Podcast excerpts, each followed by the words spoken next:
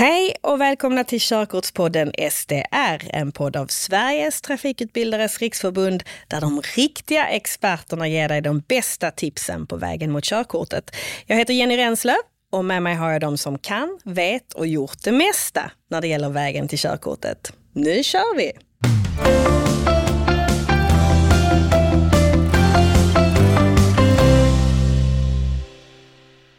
För de flesta så betyder ju körkort frihet. Friheten att ta sig dit man vill, när man vill.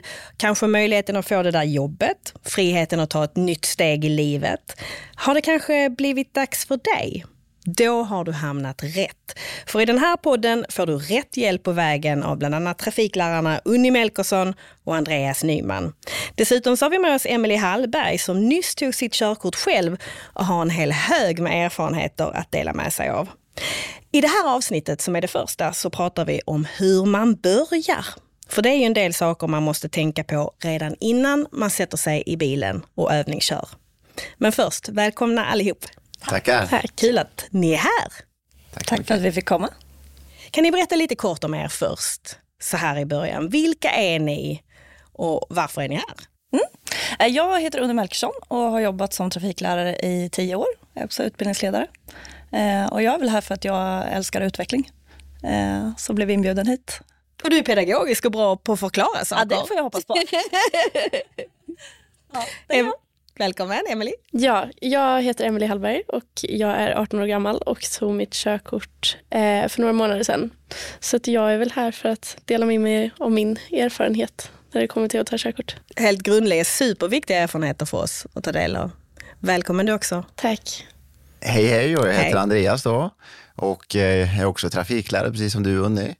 Jag känner att jag brinner verkligen för, för mitt yrke och jag är stolt trafiklärare. Jag, jag känner verkligen och tror att, att man som trafiklärare kan göra skillnad och jag brinner för att alla människor som sätter sig bakom ratten ska få komma hem till middagsbordet varje gång de kör. Det låter bra. Och Unni Andreas, ni har ju trafikskolor på olika orter i Sverige och ni är medlemmar i STR, alltså Sveriges trafikutbildares riksförbund som ju producerar den här podden. Kan ni bara kort förklara, vad, vad är det för förbund?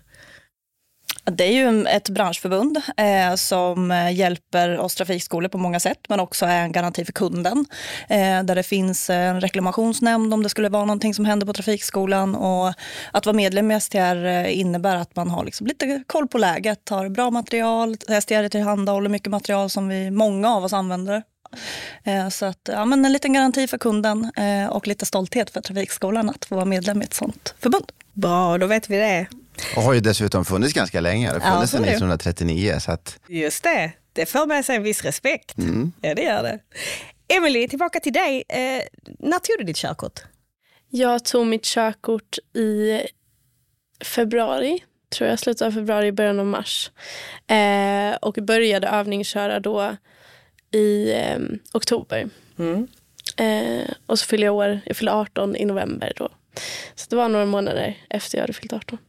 Inför det här då, eftersom vi nu pratar om, om hur man börjar, kände du att det var lätt att ta reda på vad som krävdes och vad som förväntades? Um, jag började ju då övningsköra med min pappa hemma. Och då uh, så var det ju det här, man kunde ändå söka upp det ganska lätt. Att så här, du behöver tillstånd, du behöver göra en synundersökning och sen gå på den här handledarkursen då för att, för att få köra hemma. Um, så det var det som krävdes. Och sen så efter ett tag, då, det gjorde jag under sommaren. Liksom. Och sen efter ett tag in på hösten då, så var det att hitta trafikskola sen. Ni som är trafiklärare och har råkoll, vad behöver man innan man börjar ta sitt körkort? Ja, först och främst måste du ha ett körkortstillstånd. Och det tillståndet kan du, kan du enkelt söka via transportstyrelsen.se. I samband med det här körkortstillståndet när man ansöker så ska man också skicka in ett syntest. Och det kan man kanske göra hos sin lokala optiker, men många trafikskolor tillhandahåller också ett syntest. Eh, sen skickar man in då, i regel så skickas det in digitalt.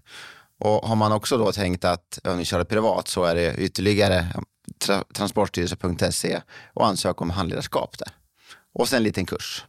Och så en liten kurs, ja. Om, man, om man tycker det här känns... Det är olika hur man tar till sig information och ibland kan det vara svårt kanske att, att hitta rätt på, på nätet och så vidare. Kan man få hjälp av sin trafikskola?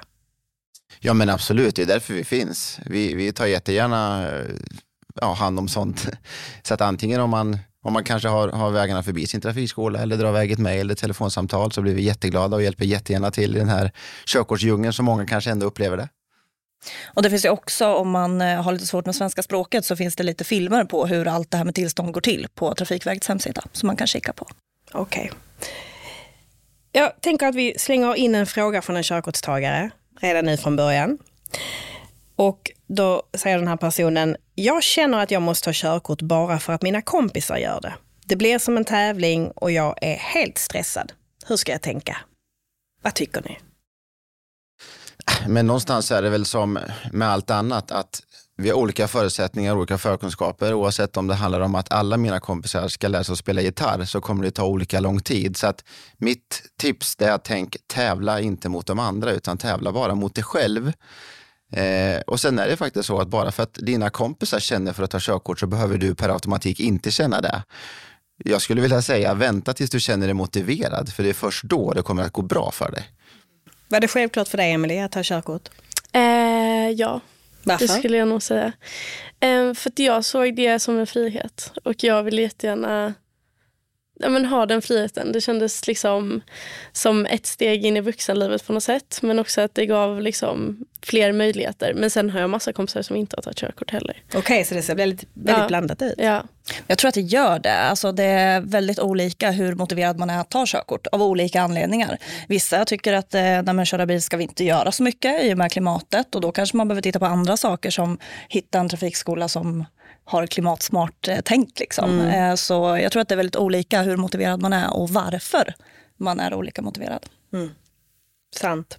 Sen finns det ju andra beslut man behöver fatta. Eh, man måste ta ställning till om man faktiskt ska gå på en trafikskola, om man ska ta sitt körkort privat eller en kombination.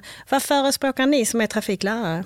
Ja, men alltid en kombination. Har man lyxen att kunna köra med någon privat eh, så är ju det fantastiskt för att få så många timmar som möjligt eh, i bil. Så en kombination. Och om man dessutom kan få handledaren att vara med lite på lektionerna på trafikskolan så är det guld värt. Vad säger du Andreas? Jag kan bara instämma det Unni säger. Det är, ju, det är ju en dröm att ha som trafiklärare, att ha då möjligheten att, att ha en närvarande handledare som kanske både åker med men ibland ringer upp och frågar hur går det och är det något speciellt vi ska tänka på att jobba med. Det, det blir roligt men också såklart en, en bättre ja, förare. Helt enkelt. Hur gick Absolut. diskussionerna hos er Emelie? Eh, nej men det var ganska självklart att både köra hemma med pappa och att köra på trafikskola. Eh, det är liksom, han kunde ge mig mycket men vi båda kanske kände att jag behövde den pedagogiska utbildningen också. Finns det någon statistik? Vad säger statistiken? Kan, som, talar den för det ena eller det andra? Eller hur, hur ser det ut? Alltså rent prov, provstatistik är ju egentligen den statistiken vi kan prata om. Eh, och på förstagångsprov så har ju de som kör upp via en trafikskola eh, dubbelt så bra chans kan man väl säga. Eh, för det är ungefär dubbelt så många som klarar sig första gången eh, på en trafik, via en trafikskola än privat. Så det är en ganska annan... stor skillnad. Ursäkta mig, men Nej, en annan grej där som jag tänker på som tyvärr inte går att mäta, jag har inte hittat något sätt att mäta det, det är ju hur går det för eleverna resterande tid bakom ratten efter körkortstagandet. Det skulle man vilja hitta privat utbildning mot eh, ja, en fulltäckande utbildning hos en trafikskola. Ja, för det är väl det som är kanske den stora skillnaden, att vi använder pedagogiska metoder för att försöka lära för livet och inte lära för ett prov. Mm. Eh, så det tror jag är den stora skillnaden man kan känna mot privat och eh, professionell Eh, om den inte styrs upp. Den ja. privata utbildningen kan ju vara toppen. Och om man kanske, precis som ni har gjort Emelie, tagit lite hjälp av trafikskolan.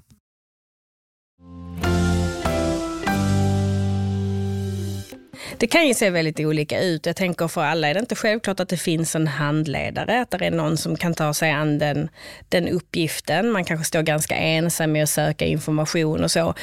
I ditt fall, Emelie, var det, var det självklart att din pappa skulle bli handledare? Eh, ja, det skulle jag nog säga också. Eh, sen så var det lite så, ska mamma eller pappa? Det var mer den diskussionen. Eh, men det blev ändå pappa. Eh, och han kör jättemycket bil och tycker att det är jätteroligt också. Så han tyckte bara det var en rolig grej och stötta mig i det. Fick du mycket stöd också när det gällde den här andra processen att komma igång, allt det där som behövs för att börja? Mm, det fick jag ändå. Vi, vi liksom gjorde det till en grej att göra tillsammans. Eh, så vi kollade upp allting tillsammans och gick till handledarkursen tillsammans. Och så. Okej, okay, om man väl då har bestämt sig för att man vill ta sitt körkort med hjälp av en trafikskola, hur vet man vilken man ska välja? Det finns ju så många.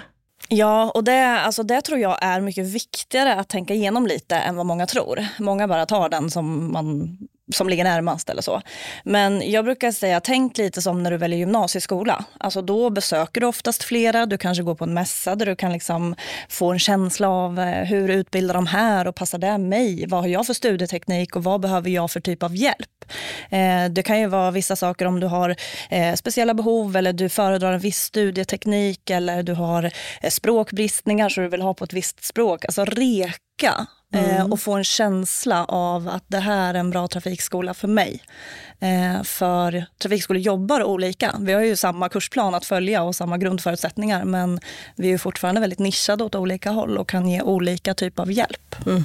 Så noggrann i, i ditt val, håller mm. du med om det Andreas? Ja, men jag håller med helt och hållet jag tänker att att precis bra jämförelse under det med gymnasieskolan. Där är ju även många gånger föräldrarna delaktiga också och, och får bilda sig en uppfattning. Så kände, du behöver inte vara ensam i det här utan att man även får hjälp att ta med sina föräldrar ner till trafikskolan. Och man får ju också eh, man får en känsla av ett besök så det är också att rekommendera. Kom ner till trafikskolan, bilda er själva en uppfattning. Men innan ni gör det, kolla hemsidan. Där en duktig trafikskola informerar ju om vad man har för olika typer av, av utbildningar och, och vad man har för ja, målsättningar själv. Då. Ja, för det kan ju skilja sig en del. Mm. Så det är bra att reka lite tycker jag. Det är ju någonstans där att vi, eh, den trafikläraren man hade är alltid världens bästa trafiklärare. Eller den mm. trafikskolan man valde att gå på är ju i regel alltid världens bästa. Vi får inte glömma att det finns ju väldigt, väldigt många och det är som du säger, många jobbar olika. Ibland har man talat om att det finns olagliga trafikskolor eller falska trafikskolor. Det har många, många olika namn. Vad, vad betyder det? Ja, det betyder ju i regel att man inte har ett trafikskoletillstånd. Eh, att eh, du jobbar svart. Eh, och det som är lite obehagligt idag är ju att i vissa orter i Sverige så finns det liksom en lokal och loggar och det ser verkligen ut som en trafikskola. Eh, så det kan vara svårt att verkligen veta att man får en, en riktig utbildning som är laglig.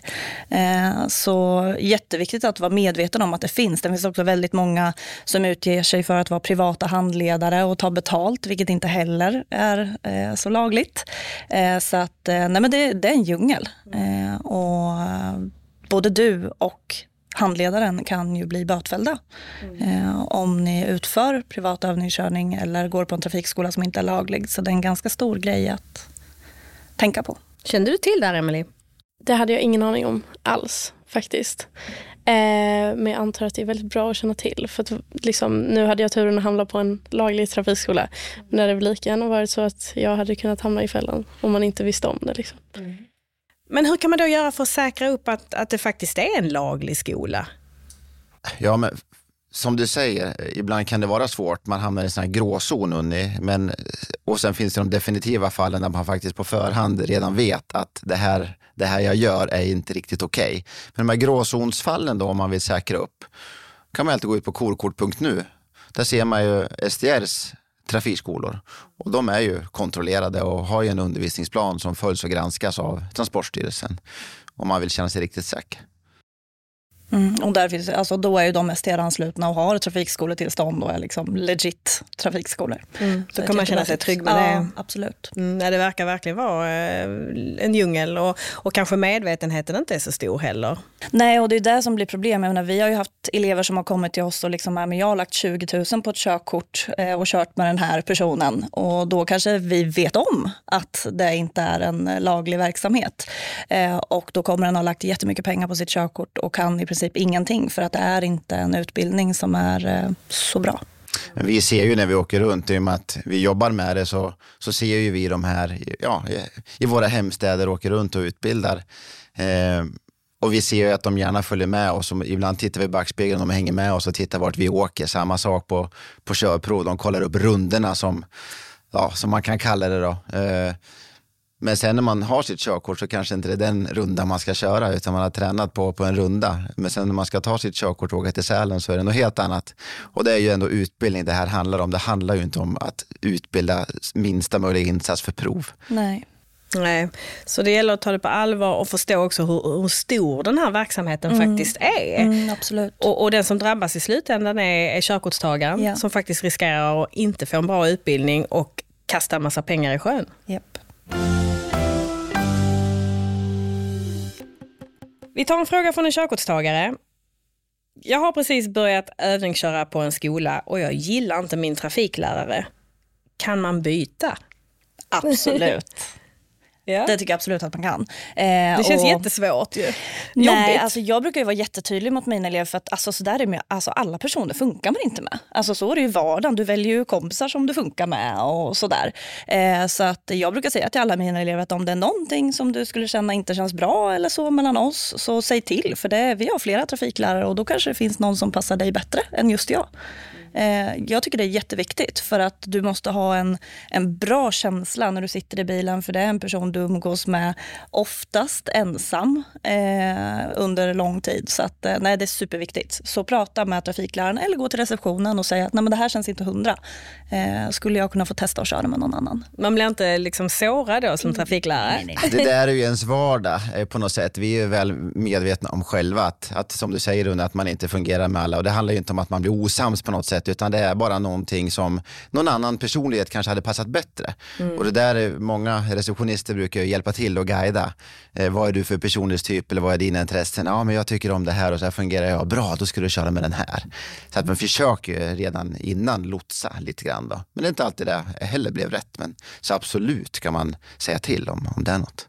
Klickade du med din trafiklärare, Emelie? Det gjorde jag verkligen. Så att jag, hade, jag hade jättetur där. Men sen tycker jag också att det är jättebra att du säger det. Att så här, jag tror det är bra som körlärare att också få eleverna att förstå att så här, det gör ingenting om du vill byta. Det är liksom ingenting som är jobbigt att säga eller liksom ingenting konstigt.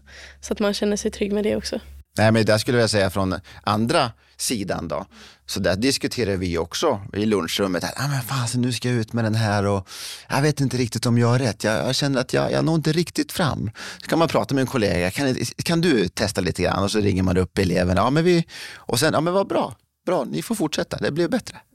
Hade du vågat säga ifrån om du inte hade trivts med din lärare? Jag vet inte. Ehm, men jo, om det hade känts liksom absolut fel efter en, liksom en tid. Då hade jag, jag vet inte om jag kanske hade vågat säga det direkt till läraren men någon som jobbar på trafikskolan så att man på något sätt kan få byta. Liksom. Sen finns det ju en annan dimension av det också. Det kan ju faktiskt finnas situationer, nu är de, de inte vanliga, tack och lov, men där det faktiskt inte går riktigt rätt till. Alltså att man upplever att man har en trafiklärare som inte beter sig på ett sätt som man tycker känns okej. Vad gör man då?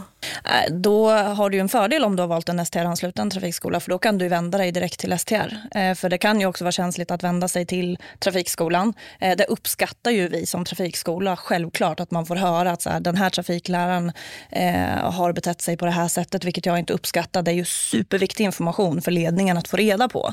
Eh, Så om du vågar det kontakta trafikskolan, typ ägaren på trafikskolan och försök förklara. Om du inte känner det så vänd dig till STR om du går på en STR-ansluten trafikskola. Eh, och har det gått för långt så anmäl. För det är ju någonting vi absolut inte tycker är acceptabelt. Nej. Eh, och det är ju samma sak för oss. Vi har ju haft elever som vi har fått ha en diskussion med. Eh, för de inte har uppträtt sig, upp, betett sig lämpligt så att läraren har känt sig obekväm. Så det går ju åt båda håll. Eh, även om den situationen är mer sällsynt såklart. Vad, vad tänker du Andreas? Nej, men jag, jag tänker exakt samma sak. att man måste våga säga till. Alltså någonstans är man ju ägare av sin egna utbildning och, och man har ju rätt till sina, sina åsikter och sådär. Så det måste fram. Det är jätte, jätteviktigt. Och, ja, jag kan bara instämma. Och det kan ju vara att man av vissa anledningar har eh, väldigt svårt med eh, vissa sociala sammanhang, social fobi eller så. Kolla att din trafikskola kanske kan anpassa sig lite ut efter det. Eh, och eh, det kan ju hända vissa situationer i bilen där man behöver ta sin hand på ratten att man är liksom tydlig att så här, om du ska göra det så vill jag verkligen veta om. Eh, för ja, men det finns situationer där, eh, där det kan bli svårt och då är det viktigt som både att trafikläraren frågar och informerar att det här kan hända, hur känner du inför det? Men att man säger ifrån om det inte känns bra Kommer på en annan sak där kopplat till det där att det är jätteviktigt att ju mer information vi kan få från en elev som du är inne på. Det kan vara sociala fobier, det kan vara NPF eh, eller liknande. Ju mer kan ju vi också forma oss, eller ju mer kan ju vi hjälpa till med att få just din utbildning som den bör vara.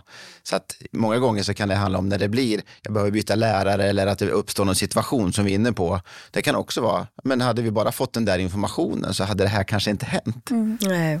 Så oavsett vad du egentligen har för olika utmaningar så, så var noga med att ge den informationen till skolan tidigt. För att det finns en beredskap för att hantera mm. ja. många olika elever ja. med olika bakgrund. Ja, och hos oss finns det ju ingenting man behöver skämmas över. Nej. Nej.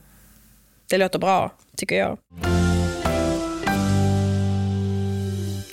En annan sak som man funderar över sådär i början när man ska sätta igång det är ju det här med teori respektive körning. Det är lätt att se det som två olika byggklossar tänker jag när man ska börja ta sitt körkort. Kan man inte bara fixa teorin först så man har den ur vägen och, och sen kör man på en trafikskola? Eller?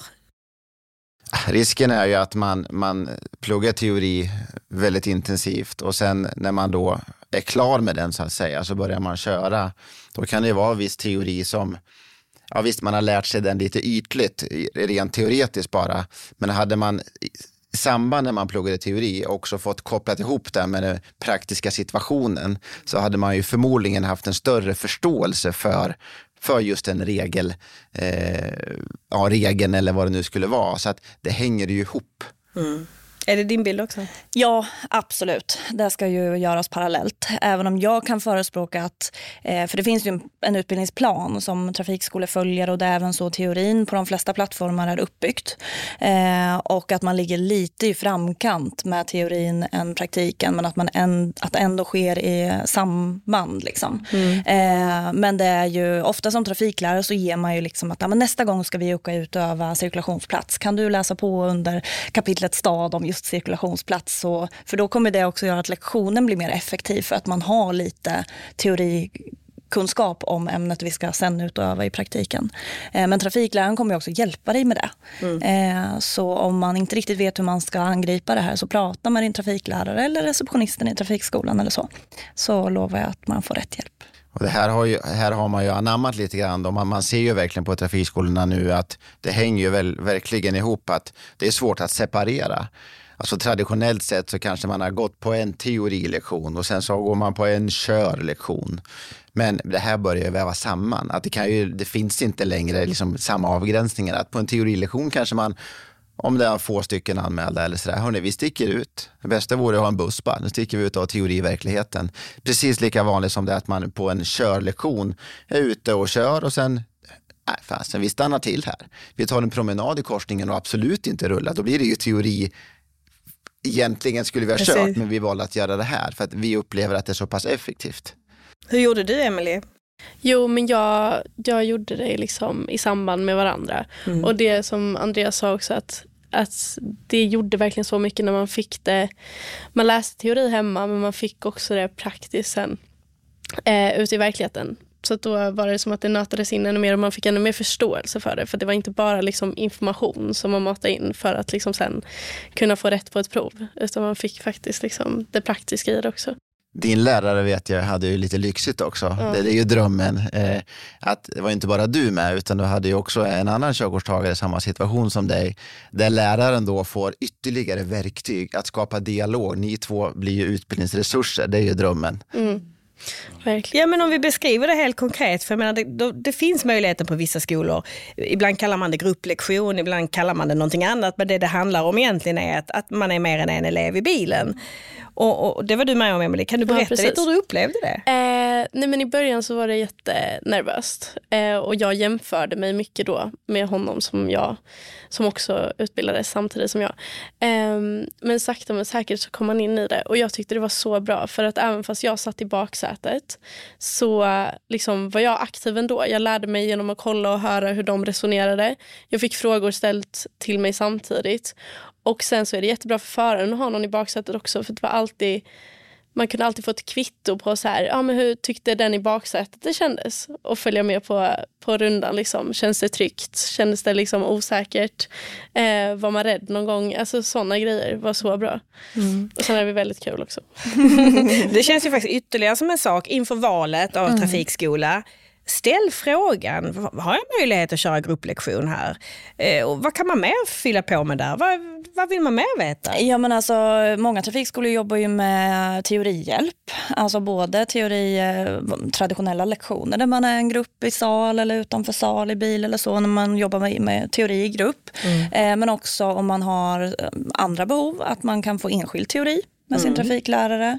Eh, så att, alltså anpassningar. Mm. Eh, vad har du för behov och vad kan den här trafikskolan ge mig? Mm. Det är super, super viktigt. Mm. Eh, det får man ta med sig i den här... Olika lektionstyper liksom.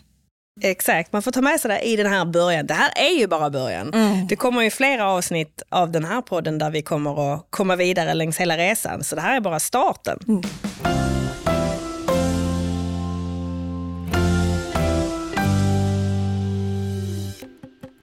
Mina vänner, det har blivit dags för vår slutminut, det vill säga varje avsnitt vi har här, där kommer vi att sammanfatta, ni får äran att sammanfatta på en gemensam minut vad som är det absolut viktigaste att ta med sig av det här avsnittet. Så att eh, jag tycker vi kör igång slutminuten nu. Varsågod ni. Ja, men det viktigaste jag tycker att få med sig av det här avsnittet är att reka noga när du ska välja trafikskola. Eh, fundera på vad du har för behov och vad du vill ha för typ av anpassningar eh, och leta efter en trafikskola som kan möta det och ställ krav. Fråga, våga fråga. Det är mitt tips. Eh, det viktigaste jag tycker att ta med sig utifrån då ett elevperspektiv är väl att det är ingen stress. Alltså bara för att alla andra tar körkort så måste inte du göra det. Utan ta det när du är redo för det är då det kommer bli bäst också. För du kommer verkligen vilja det på riktigt. Och sen också vara tydlig med vilka behov och eh, så du behöver till din trafikskola och din trafiklärare. Och jag känner väl att om du nu känner att men jag kan ju inte alls köra bil, jag har aldrig kört bil. Exakt därför ska jag komma till en trafikskola. Det är därför vi finns. Plus, känner man att ah, jag behöver, det klickar inte med min trafiklärare, byt. Det är en vardag för oss. Ni är så kloka. Det var en bra minut. Med det så rundar vi av för den här gången. Missa inte våra andra avsnitt av SDRs Körkortspodden som finns där poddar finns. Och vill du läsa mer om vad som gäller när du ska ta körkort eller hitta en trafikskola som är ansluten till SDR, gå då in på vår sajt kokort.nu. Vi ses! Hej då! Hej då!